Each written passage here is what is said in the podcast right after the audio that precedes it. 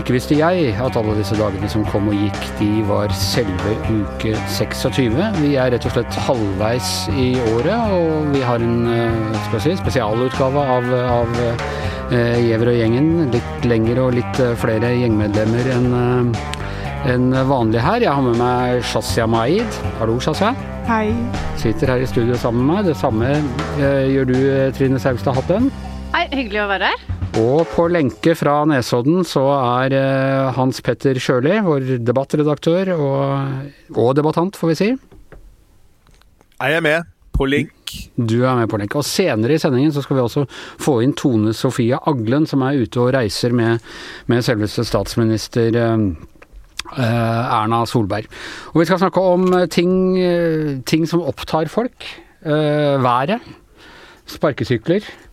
Ytringsfrihet, og da selvfølgelig politikk med, med Tone Sofie. Og aller først, eh, la oss bare ta en liten runde på været. Været her på Østlandet skulle bli så voldsomt varmt og fint denne uka. Har det innfridd? Begynner med deg ute på Nesodden først, eh, Hans Petter. Nei. Nei. Det har vært, det har vært Det ble varmt og fint, men det har, det har blitt mye regn og tåke og sånn, så det er jo litt synd, da. Ja.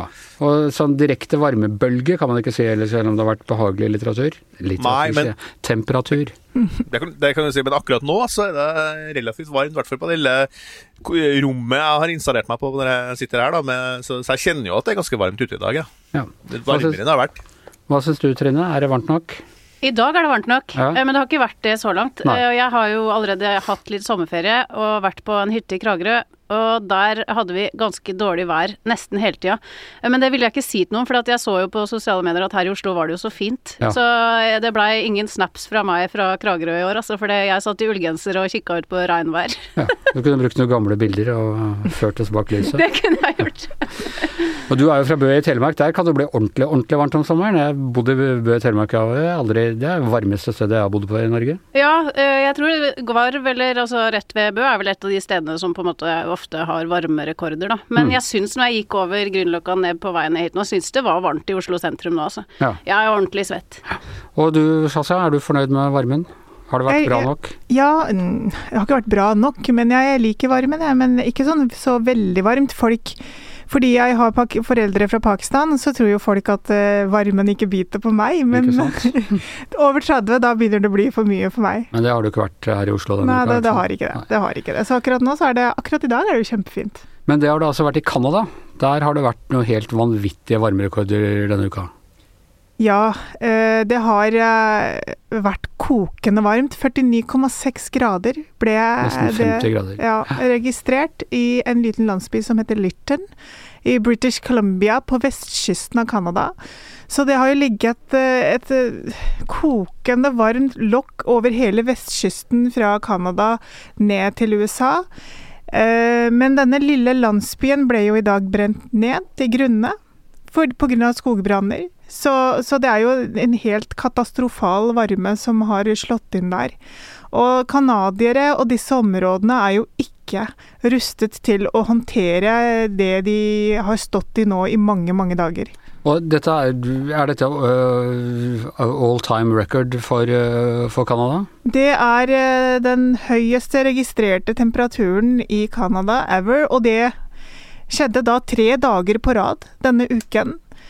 Så det har jo vært Det som er spesielt, og det som gjør dette her så utrolig eh, eh, farlig, og får så voldsomme konsekvenser, for det er registrert 500 plutselige dødsfall, som man tror skyldes eh, hetebølge i British Columbia bare på fem dager. Det som gjør det eh, så farlig, er jo at eh, det området ikke er rustet til å håndtere denne varmen. Verken fe eller fugl eller fisk, og ingen der er eh, klare for å håndtere noe sånt. Hadde dette skjedd i Los Angeles, så er jo hele byen ikke sant? Alle har standard eh, klimaanlegg, vifter, alt er på stell. Men eh, for eksempel Lytton, da, som Jeg tror det er sånn det uttales. De har en høyeste snittemperatur på 26 grader Ja, så de er, de er liksom Det er som Norge? Det er som Norge, det er som Oslo omtrent. Da. Altså, Oslo har jo 20 grader i snittemperatur, men høyeste snitt, da. Men det er sånn som våre somre. Ja. Grå, milde somre. Det kan plutselig begynne å regne. Det det er stort sett du skal ha med genser når du, når du skal ut. det Så, Så det er litt som om det skulle ha blitt 40 grader her. ja. Og er vi rustet til det? Hvordan hadde vi håndtert det? Og spørsmålet er selvfølgelig er dette klimaendringene, eller er det en uteligger i forhold til eh, Det, er, det som er alvorlig, er jo at det ikke er Det er jo selvfølgelig en uteligger for Canada, men det er jo flere og flere eh, sånne ekstremtemperaturer eh, for hvert år.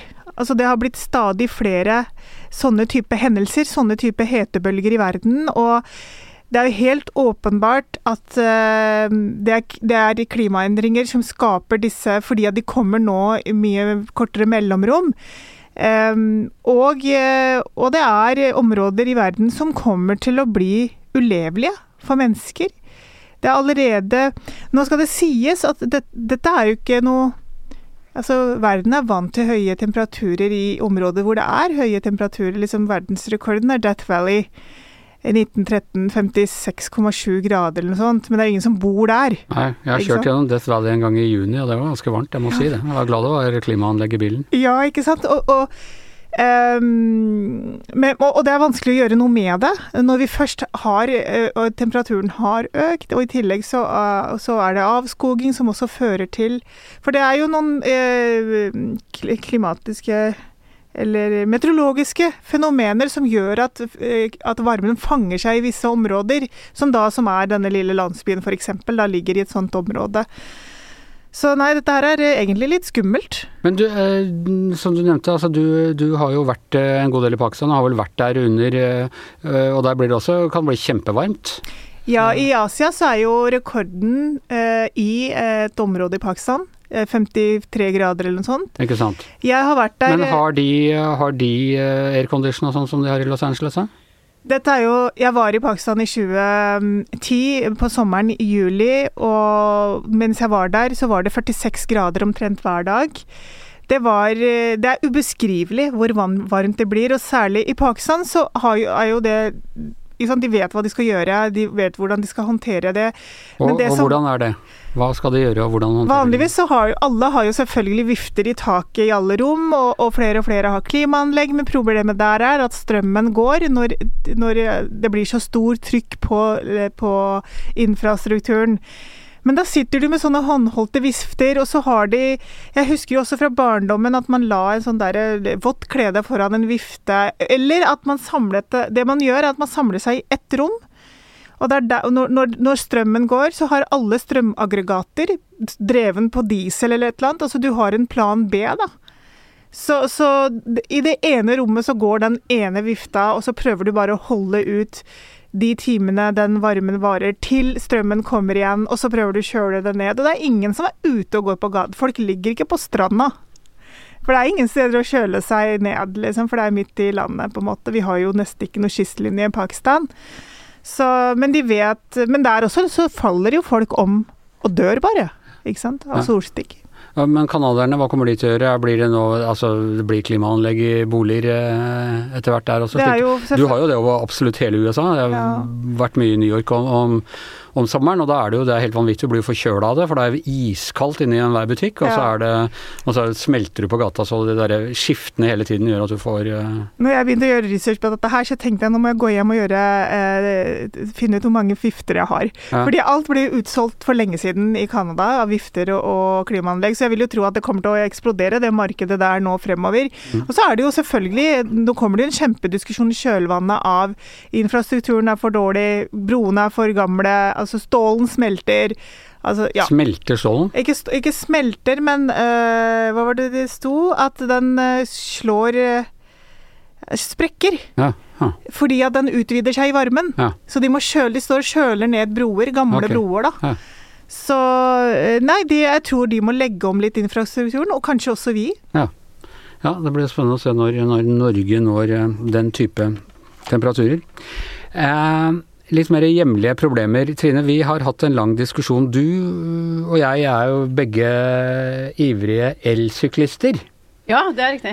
Og, og, og syns at dette med at el har kommet inn i sykkelen, jeg syns det er helt fantastisk. Det er som å sykle med Gud på på bagga. Han gir deg liksom bare en sånn myk dytt i ryggen i oppoverbakken sånn. Helt fantastisk. Det er fantastisk, men først og fremst da vi jo, identifiserer vi oss som fotgjengere, ikke sant. Vi er først og fremst fotgjengere, ja, men det er nettopp derfor jeg mener sånn vi driver ikke opp Og noe av det kule med elsyklister framfor andre syklister, hvis jeg må få være såpass selvgod, det er at andre syklister de opparbeider seg fart, og den vil de bare ikke gi fra seg igjen, ikke sant? for den må de gjenopparbeide. Vi elsyklister vi kan godt bremse ned, for det er ikke noe problem å få i gang den. Uh, ja, ja, ja. ja, det kjenner jeg meg enig i. Ja. Men der vi har vært litt uenige, det er når det kommer til sparkesykler. Ja, eh, elsparkesykler. Elsparkesykler, ja, ja, selvfølgelig. Ja, da, det vel to, For et par år siden så snakka vi jo mye om elsparkesyklene her, i, særlig i podkasten og på morgenmøtene og sånt. Da. Jeg jo, var jo veldig forkjemper for disse elsparkesyklene. Syns at det var et veldig positivt tilskudd til på en måte Oslo eller, andre, eller, en by som på en måte et, et transportmiddel, da.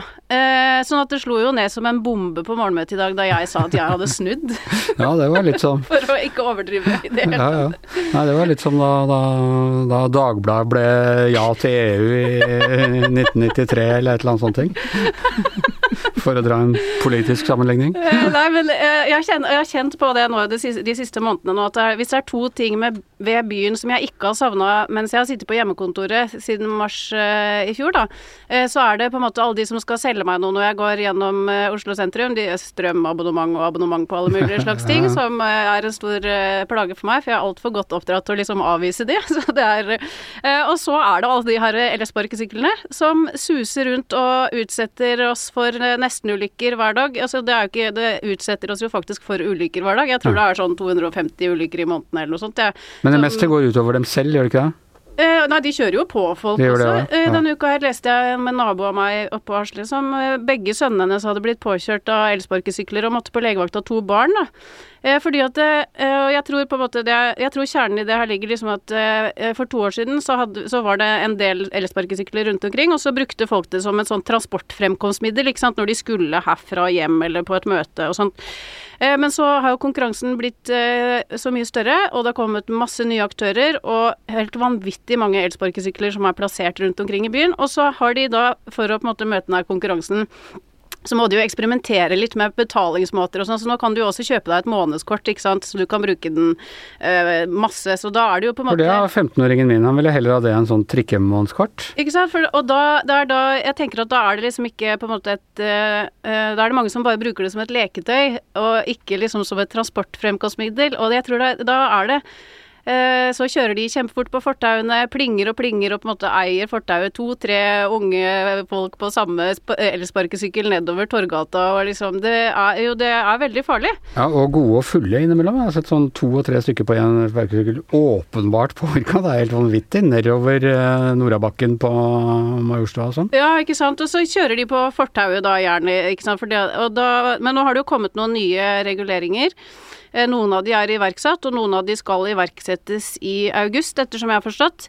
Eh, så antallet skal ned. Jeg tror nå er det hvis det er par og 20 000 elsparkesykler i Oslo sentrum nå, det skal ned til under 8000 til august. Jeg skjønner egentlig ikke hvorfor de ikke bare kunne innføre det med en gang, for det er helt kaos kaos ja, men, det, men det er det, fordi jeg tenker dette er jo et gode. Det er jo en ny form for transport som kan være grei kortere distanser øh, og i det hele tatt. Men det er liksom sånn øh, Først så var det liksom forbudt med elektriske med disse her, hva, hva heter sånn Airwheels ja, de, ja, den, og så øh, opphever man den, og da er det totalt frislipp. At det, liksom, det, er ingen begrensninger på hvor mange eller hvor du kan slenge den fra deg, eller, nei, eller noe nei, nei. som helst. Men det, men det, kommer nå, og det eh, må jeg faktisk også si at jeg må faktisk berømme de her aktørene litt grann også, da, som holder på med det. For de må ha de må ha noen veldig gode utviklere eh, som sitter og på en måte og, la, lager de her systemene for seg. For det er jo faktisk sånn, de tilpasser seg jo litt eh, ut ifra, ikke sant. I fjor så var problemet at de sto og peip hele natta hvis du hadde parkert de og de begynte å gå tom for strøm, ikke sant. Det er jo feil. Nå er det over. sånn de må ha de, de, Jeg skal faktisk berømme de også, altså, for de har vært flinke til å på en måte tilpasse seg reglene etter hvert da, og liksom fjerna problemene. Men det er fortsatt noen problemer igjen, så Jeg har ennå ikke testa sånn elsparkesykkel Du har selvfølgelig det. det, har- altså, det er jo kjempegøy. Ja. ja. At jeg skjønner jo Jeg får litt sånn Donald Duck fra da jeg var liten. Petter Smart som fløy rundt på deg. Jeg føler meg liksom litt dust. Da, men, ja, jeg synes, føler meg sånn, Hvis du syns det er gøy med elsykkel, så er det jo, det er jo om mulig enda gøyere med de elsparkesyklene. Så jeg skjønner jo at alle bare har lyst til å suse rundt Vet du hva jeg syns er aller gøyest med elsykkel?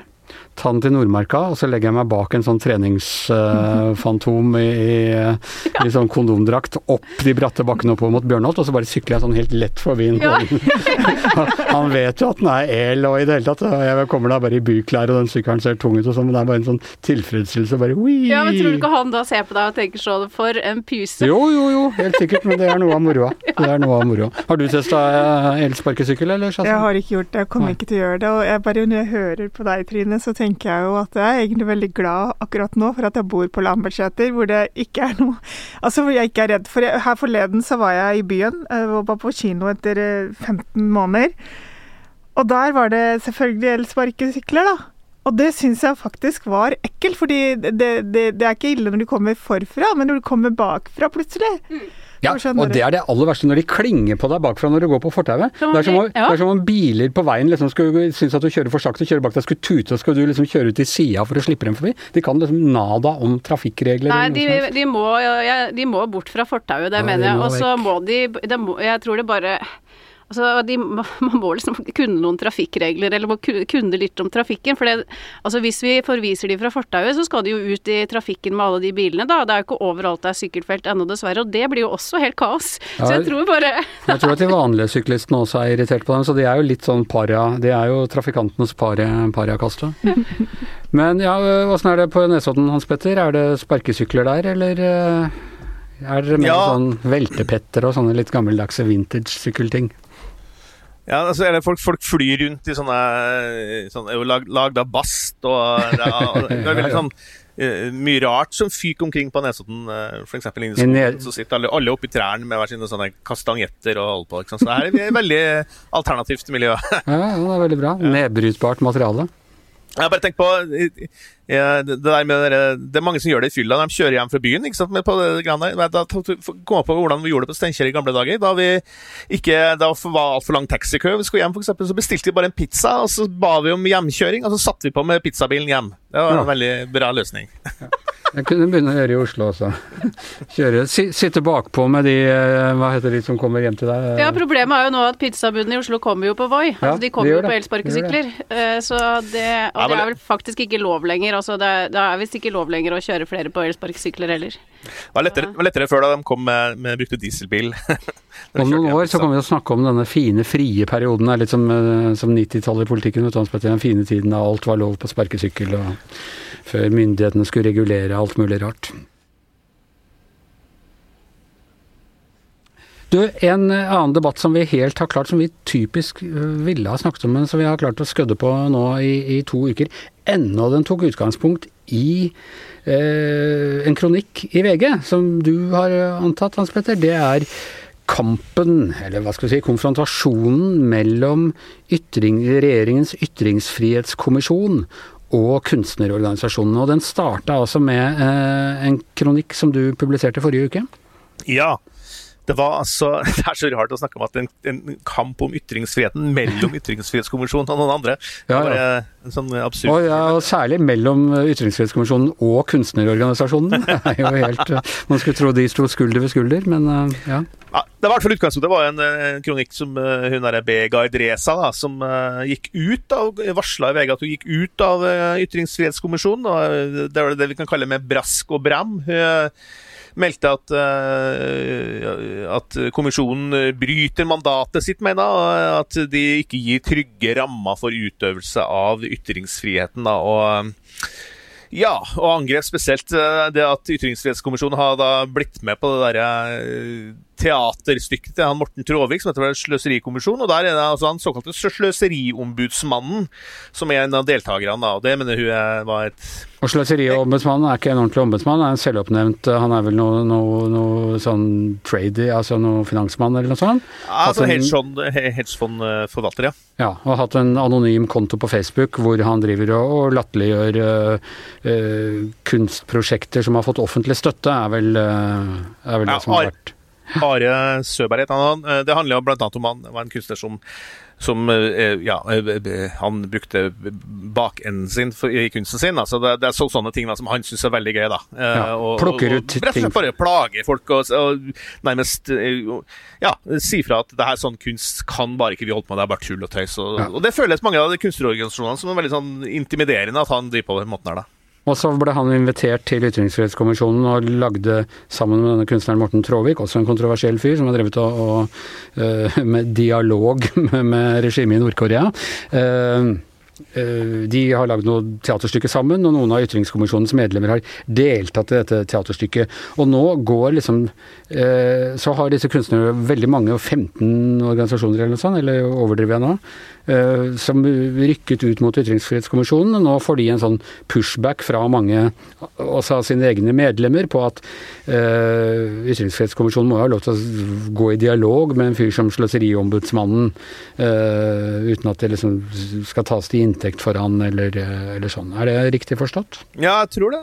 Det er jo, det er jo litt vanskelig. Det er jo så mange, mange, ytringer i det feltet der. Men annet Forfatterforeninga har jo vært, vært med på det der eh, opprøret mot Ytringsfrihetskommisjonen. for så vidt. Og Det har jo en del forfattere syntes har vært veldig leit, da, fordi eh, ytringsfrihet handler jo også om retten til å være uenig, og til å le av folk, til å snakke stygt om folk, bare du ikke krysser noen sånne andre linjer. Men så, så, så ytringa handler jo på en måte om provokasjoner også, da. Og, og, ja. Mens her er det kanskje sånn at noen mener at uh, ja, at det å bli provosert og, og utdrite og den slags eh, er, At det fører til en slags krenkelsesfortelling. Og at det da det ikke blir noe reelt ytringsrom lenger. Men jeg syns det er veldig rart at Ytringsfrihetskommisjonen de, de, burde jo egentlig holdt på litt sånn i det stille og jobba fram, men, men når det, de sjøl blir aktørene i det der, de debatten der, så, så, blir, merker, merker jeg syns det er ganske spesielt, altså.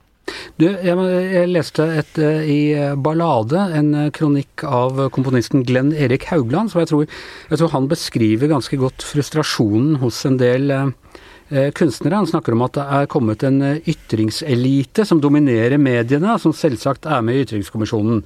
Kjenner disse sin egen definisjonsmakt? Hva med de økonomiske? Hvordan kan en ytringskommisjon forstå kunstneriske ytringer når medlemmer ikke møter kunstnerorganisasjonen om annet enn karakteristikker eh, og i det hele tatt. Og eh, jeg tror at han er inne ved noe av kjernen uten å, uten å ta part i konflikten, men uh, ytringsfrihetsdebatten i Norge den er dominert av sånne som oss. Ikke sant? Vi som sitter her med, med, fri tilgang til store medieplattformer, og som definerer liksom akkurat uh, kan, ta, kan latterliggjøre ytringer, kan, eh, kan, gå hardt ut mot ytringer, arrestere folk. Vi, vi, jobber liksom med dette omtrent eh, profesjonelt, har gjort det til en disiplin. Og jeg tror det er en frustrasjon for en del av de som da også jobber med ytring, som f.eks. Av forfattere og kunstnere og koreografer og, og, hva det måtte være, over at det, at det er øh, denne typen folk som, som sitter med hele definisjonsmakten. Og de sitter jo også i Ytringsfrihetskommisjonen. Ja, hele Ytringsfrihetskommisjonen består jo av holdt på å si sånne som oss. Ja, nettopp. Og, og det er jo Jeg forstår frustrasjonen der, altså det, uten å ta stilling heller. For jeg syns jo det finnes jo sikkert eh, ganske litt sånn ekstreme utslag på begge sidene her. Men, men, det er en annen ting som jeg syns har vært veldig interessant i ytringsfrihetsdebatten generelt. det er jo at, Og der har jo Begard Reza kanskje et poeng i, i, sin kronikk også, der hun sier at ytringsfrihetsbegrepet har på en måte blitt eh, litt sånn bondefanga av, eh, av litt eh, ja, mer ytre høyre. da. Uh, og, og det, det, slenges rundt med liksom sånn ytringsfrihet og cancel culture og, og uh, jeg vet ikke hva. Altså, som på en måte florerer. Da, så at en del folk som skal møte det der, kanskje blir, føler at det er litt Ytringsfrihetsrommet er egentlig definert av uh, de andre, da, for så vidt. At man sjøl på en måte ikke får ja, komme gjennom med sin ting, at man ikke blir tatt på alvor. Jeg syns kanskje også at, at det er en del av Eh, eh, skal vi si, resepsjonen av den eh, kronikken også var, liksom, endte opp med sånn utskjelling og raljering istedenfor på en å møte det med en slags nysgjerrighet. Og, noe, og det gjelder synes jeg, ganske mye av debatten, istedenfor å bare rakke ned og høvle ned folk som er uenige. Så, så, så istedenfor ja, altså, Man burde møtt dem med, med, dialog og åpenhet og nysgjerrighet, for da kan du faktisk oppnå noe nytt. da.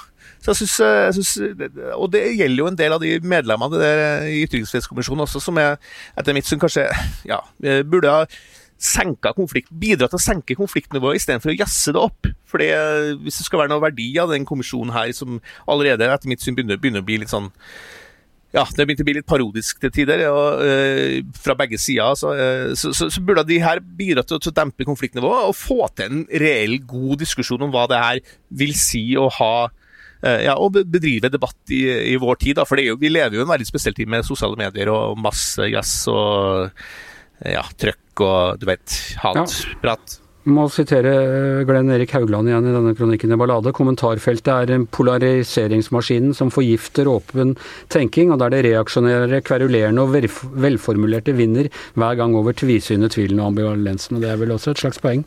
Stemmer vel det, ja. Det, og vinner fordi at de som er tvisynte og, og, har litt uh, nyanserte syn på ting, uh, orker bare ikke å stå i, liksom, i det der. Til slutt så bare gir du opp, for det blir bare utskjelling. da. Og dette vet jeg fordi jeg ofte faller for fristelsen selv, at når du smeller av en litt, uh, litt kraftig og tydelig melding, så er det der likesene og kosen og klemsene ligger, og det ikke i, i den litt lengre tvisynte. Ja, det er sant det. Men, mener, men samtidig så må jeg jo, reagere litt på kunstnerne, altså at de skal bli så krenka også. Eh, eller hva man skal kalle det. Krenka er også et sånn lada ord, selvfølgelig. Men, men altså, kunsten skal jo være kontroversiell. Den skal jo provosere. Den skal jo mm. Sånn at eh, alle må jo tåle å bli utfordra hele tida. Så jeg syns kanskje at uh, vi, vi, må i hvert fall ikke bli dit at alle sammen er så, liksom, så redde for uh, uenighet heller. Det er jo en del av viktigheten av å ha debatt i, et samfunn, er jo at uh, forskjellige syn skal møtes da, og kanskje det oppstår noe nytt og bedre. Ja, og nettopp. Og da i et forsøk på å være litt tvisynt, så må jeg si at jeg, altså, ja, jeg er enig at de reagerer for, for bombastisk og hårsårt. Og, og, jeg er enig med Mimmi Kristiansson som sitter i kommisjonen at vi kan ikke snakke om sånn uh, meningssmitte. Det må kunne gå an å stå på et podium med Sløseriombudsmannen uten å dermed gå god for alt han mener, og, og vice versa. Men samtidig så, så syns jeg at særlig Ytringsfrihetskommisjonen bør lytte til hva, eh, disse, hva kunstnerne faktisk mener, og, og, hvilken frustrasjon eh, de opplever. Da syns jeg eh, de kan begynne med å lese denne kronikken til Glenn Erik Haugland. Det er jeg helt enig i. Og så syns jeg at kjenner jeg på en litt sånn savn etter Francis Sejersted, som leda utenrikskommisjonen for 20 år siden. Den litt sånn, den litt sånn dannede, litt sånn høflige, skikkelige, ordentlige hel ved-høyremannen, høyre-light-mannen, for å si det sånn, som, som uh, var en slags sånn faderlig figur over der, sånn, som uh, leverte også en veldig interessant rapport til slutt. Men det var altså før vi hadde sosiale medier, vi hadde så vidt fått internett, så det var, uh, tror, var litt andre jeg tror ikke Francis Sejersted trivdes veldig godt i, på Facebook og på Twitter, nei. nei. Og da håper jeg at vi har fått til fått klart å opprette forbindelse til vår medarbeider Tone Sofie Aglen, som nå er ute på havet. Hallo, Tone Sofie? Hallo, hallo. Skip ohoi, som det heter her. Skip ohoi, ja du er rett og slett eh, Du krysser den ville Helgeroafjorden nå mens vi snakker sammen, gjør du ikke det? Jeg gjør visst det. Jeg tror jeg befinner meg mellom Telemark og Vestfold på et eller annet vis, som jo nå er samme fylke. Jeg har kjørt fra Helgerå er nå på vei til Herøya industripark eh, sammen med Erna Solberg, som har starta jeg må jo si at i dette vakre landet vårt som vi alle er så glad i, så er jo det kanskje det aller vakreste stykket natur i den skjærgården mellom Vestfold og Telemark, mener jeg, da. Ja, det jeg er ikke uenig. Det er veldig fint der i hvert fall. Ja. Og hva gjør, eh, hva gjør, Erna Solberg der? Ja, Det er egentlig et spørsmål om hva gjør ikke. Hun la jo ut på turné i går i den litt sånn skamløse høyrebussen, om vi kan kalle det det. En, eh, en blåmalt buss med Erna Solberg på, med, som gjør V-tegnet, som nå skal kjøre land og strand rundt for å for å få folk til å tenke seg om og stemme Høyre. Og har vært innom, eh, vi har vært innom masse steder i, i Buskerud, i Akershus og kom i går til eh, Larvik. Og er nå på vei videre til Herøya, hvor det er eh, industrien da, som skal få noen lovnader og godord fra statsministeren. Er det, har turneen preg av overskudd, eller er det desperasjon, vil du si? Nei, jeg vil si Erna Solberg er definitivt eh, prega av overskudd. Jeg har lest en del kommentarer og sånn som sier at hun virker sliten. Uh, det, det, er ikke det som slår deg når du ser henne. Hun har en utrolig energi og det er et utrolig tett program. og Hun har jo en sånn evne til å snakke med alle mulige folk som er ganske imponerende. Men, det partiet sliter med, er jo de har jo ikke så veldig mye nyheter. Så når de i går skulle lansere sin store nyhet om fritt behandlingsvalg, så er jo ikke det fritt behandlingsvalg, men at vi vil ha litt flere til å bruke fritt behandlingsvalg. Og, og det er liksom kjennetegner egentlig Høyre nå, at de har liksom gjennomført så mye av sin politikk at uh, det blir liksom litt mer å love litt mer av det samme, og at ting skal bli litt bedre. og det, det gjør jo at det blir sånn, litt sånn vanskelig å rapportere da vi har litt dårlig forbindelse med deg her, Tone Sofie, så jeg tror bare vi må ta og runde av. Kan jo bare avslutte med å si at Hun skal jo avslutte denne turneen hos Kaptein Sabeltann og apekatten Junius i Dyreparken. Okay. Så det kan jo kanskje være en verdig avslutning. Man finner gode bilder til å sende ut i verden. Må være forsiktig med apekatten Julius. Han så jeg i den dyreparken for noen år siden. Han er ikke god, for å si det sånn. Ja. Ok, Tone Sofie. Uh, seil forsiktig. Uh, og med det så tror jeg vi sier at uh, og gjengen er over for denne gang. I, her i studio Shazia Mahid, Trine Saugstad Hatlen. I hjemmestudio Hans Petter Sjøli. Jeg heter Anders Giæver. Og hele denne uka har vi hatt samme vaktsjef, produsent og tekniker, nemlig Ingeborg Huse Amundsen. Vi høres igjen neste uke.